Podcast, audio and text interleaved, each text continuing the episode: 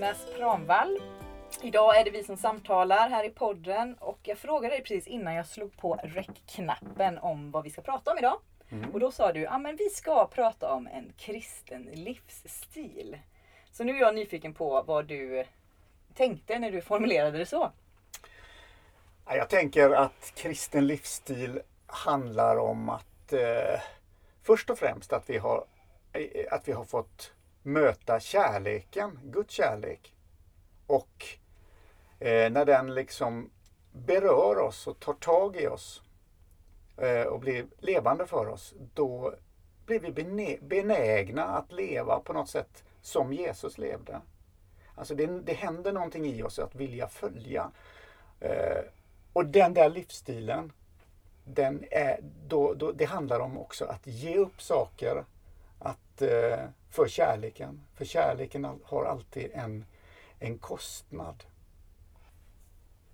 Jonas, vi har ju pratat lite grann innan om, om, om det som kommer hända på söndag såklart. För det är där vi alltid tar någon form av språng från gudstjänsten. Eh, och när vi har pratat lite högt och lågt så har det kommit fram ett, eh, ett uttryck om att, att som kristen, att vi också är kallade att ge upp någonting. Mm. Och där skulle jag vilja stanna lite och höra hur du tänker kring det. Mm. Först tänker jag ju att det finns väldigt många kristna, eller vi är väldigt många kristna, som eh, när man hör det, att ge upp, att följa eller att, att det kostar någonting och sådär, att det väcker ganska mycket jobbiga känslor. Mm. Eh, krav och, och sådär. Att det är någon slags, det blir som en hardcore Christianity, att, att man ska ja, man, man, man gör nästan det man inte har täckning för.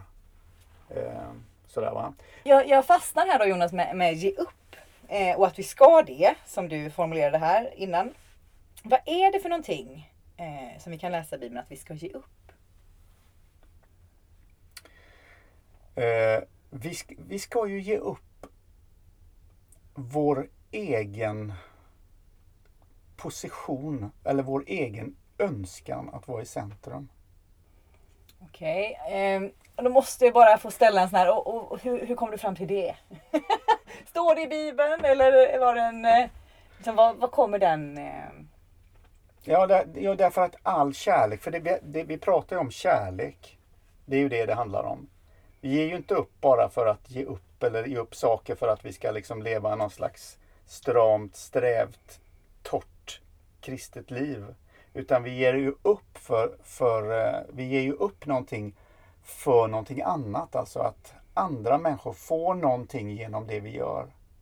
För det kan du läsa om i Bibeln när Paulus till exempel ger upp. Eh, han säger att jag kastar allt på sophögen för att vinna det som är mycket mer värt eller vad det står, Jesus Kristus. och där. Han ger ju upp också jättemycket men han gör ju det för att han vill eh, följa Jesus och att det ska bli en, en bra frukt av, den, av det han ger upp. Va? Så det är ju liksom ingen, ingen egotripp det här att, att ge upp utan det är alltid knutet till kärleken. Alltid, alltid knutet till kärleken. Jag tänker på min egen uppväxt och så har jag, när man har hört de här bibelorden om att, ja, men, att lämna allt och att följa Jesus och ja, men, liksom, kasta saker på sophögen och så. Eh, och det har alltid skavt lite i mig. För att jag tycker det är svårt eh, att förstå vad det innebär. Mm. Eh, vad är det jag ska liksom lämna? Och ska jag lämna liksom min familj? Eller liksom vad, han, vad handlar det om? Att det Mm. ibland är lite svårt att greppa i och tolka om det till, till mitt liv. Kan du hjälpa mig att, eh, att förstå det?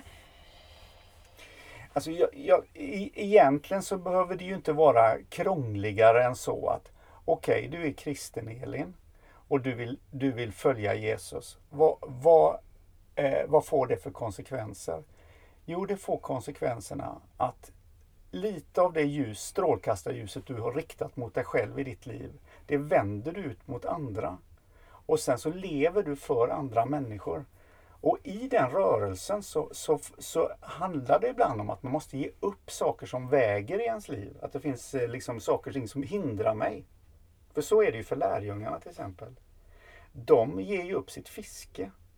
Därför att de kan inte sitta med näten i Genesarets sjö samtidigt följa Jesus. Det liksom går inte utan det finns vissa saker som väger i våra liv och då måste man titta på vad är det. Och sen tror inte jag att man måste ge upp allting utan man, kan, man, får, man får fundera på vad, vad är det som, som hindrar mig att, att, att gå den kärlekens väg som jag är kallad till. Eller göra de uttrycken eller den outputen som kommer utifrån mig eh, i mitt liv. Så därför kan man aldrig säga att det är alla ska ge upp den här saken och alla ska göra likadant. Det, och ingen kan kommentera en annan människas eh, vad den, hur den lever så länge den, lever i, den personen lever i kärlek. Liksom. Eh, så jag förstår precis det du säger om, om, om det här krav fyllda efterföljandet som, inte, som, som bara skapar ångest och tankar om följer jag tillräckligt? Har jag gett upp tillräckligt? Och sådär. Det, utan det är snarare så att du har blivit så älskad av Gud och den där eh, eh lågan har på något sätt smittat dig själv. Du har, du har, du har fått så mycket så att det, du vill ge det vidare. Alltså, och det, det, är inte så, det är inte jätteenkelt det här liksom men eh, jag tror man alltid måste börja i kärleken och inte börja liksom i, i görandet. Va? Man, kärleken, det har, någonting har hänt med en kristen. Man har fått, fått någonting av Gud. Någonting har hänt, man har fått förlåtelse och så här. Det gör någonting med oss. Och, och, det, och, det, och då, då, på söndag så är ju, är ju temat nåd och tjänst. Och det kunde ju stått tjänst och nåd. Och då hade det blivit så att då hade man börjat i görandet och slutat i nåden. Men här är det inte så utan nåden kommer först och utifrån det så blir det någon slags eh, utflöde. Liksom. Nåd är ett begrepp som vi ibland använder i kyrkan. Kan du ge någon kort hjälp till att förstå begreppet nåd? Ja, det, det, det som du inte kan betala tillbaka. Det Gud ger dig som inte du kan tala tillbaka. Om CSN skulle skicka ett brev till mig och säga Jonas, dina studieskulder är betalda.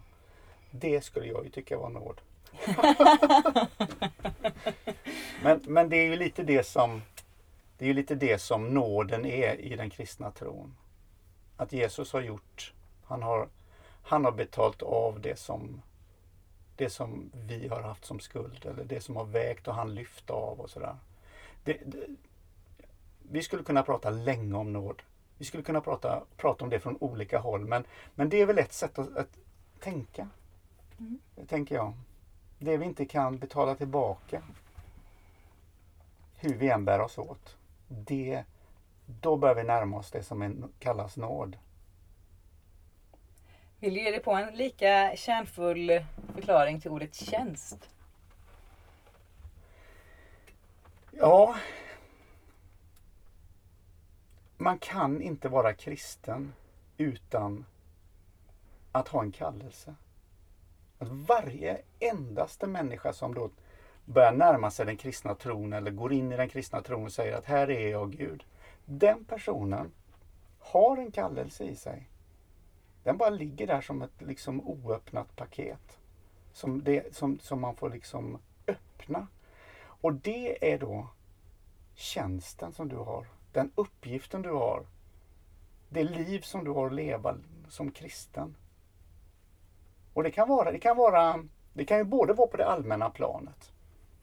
Allmänna kärleken, att du, att du möter människor med kärlek vart du är. Va? Men det kan också vara att du har ett specifikt uppdrag det är någonting som Gud har lagt ner i dig som han har tänkt ända från första tidernas morgon. Att i Elin har jag lagt ner detta. Och det vill jag att hon ska packa upp och, och gå ut i. Så. Hur, um... Så det är inte bara, det är inte bara sån här tjänst. Det kan låta som att man har en anställning eller att man är präst eller att man är någonting annat. Utan det, det låter ganska pompöst egentligen ordet tjänst mm. tycker jag. Hur kan jag packa upp mitt lilla paket och förstå liksom vad, vad min kallelse eller min tjänst är? Nu är det inte så att man bara behöver sitta hemma på sin kammare och så är det ett jättestort paket som är gigantiskt svårt att öppna och sådär. Va? Man, utan jag tror att man kan också, det kan vara ett litet paket och det kan vara små saker man går ut i som inte är sådär väldigt stora. Så man behöver inte sitta och vänta på liksom att det ska vara jättestora grejer. Va? Utan vi alla kallade till att, att leva i Jesu efterföljd. Att följa Jesus kan ju ibland kännas kravfyllt. Ja, fast eh, grunden i, i hela det här handlar ju om att du är älskad av Gud. Och, och Gud vill förvandla ditt liv och finnas i ditt liv och, och uttrycka sig genom dig. Och det behöver inte vara på det viset kravfyllt på ett, på ett eh, negativt sätt. Kan det vara kravfyllt på ett positivt sätt? Ja, det kan det väl vara. Ja, för Ja, för men mig alltså är kravfyllt ett väldigt negativt klingande Ja, ord. ja, det, ja, ja, okej, vi kan säga så. Kravfyllt kan låta negativt. Men om du tänker, tar bort bara och tänker bara på krav.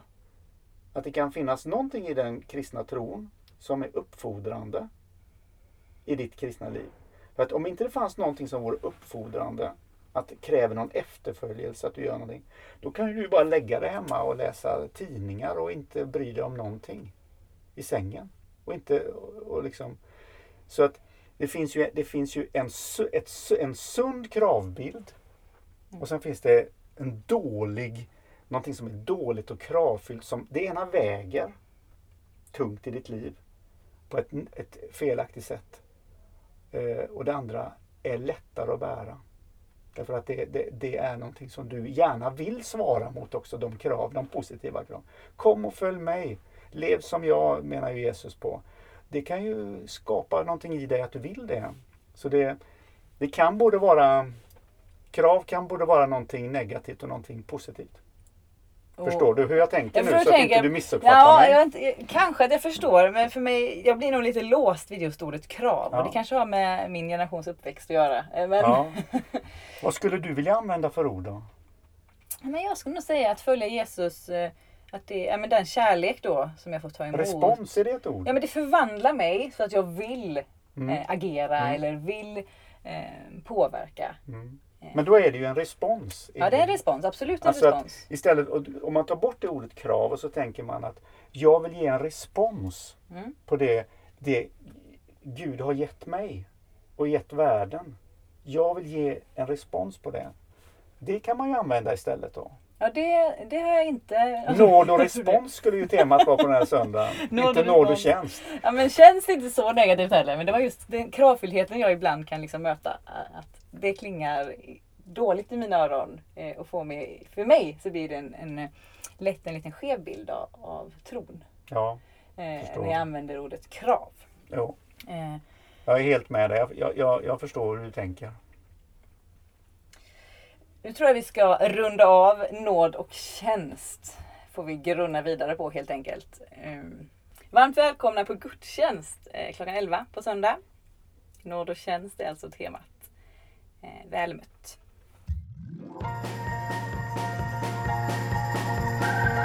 Saronpodden produceras av Saronkyrkan i Göteborg.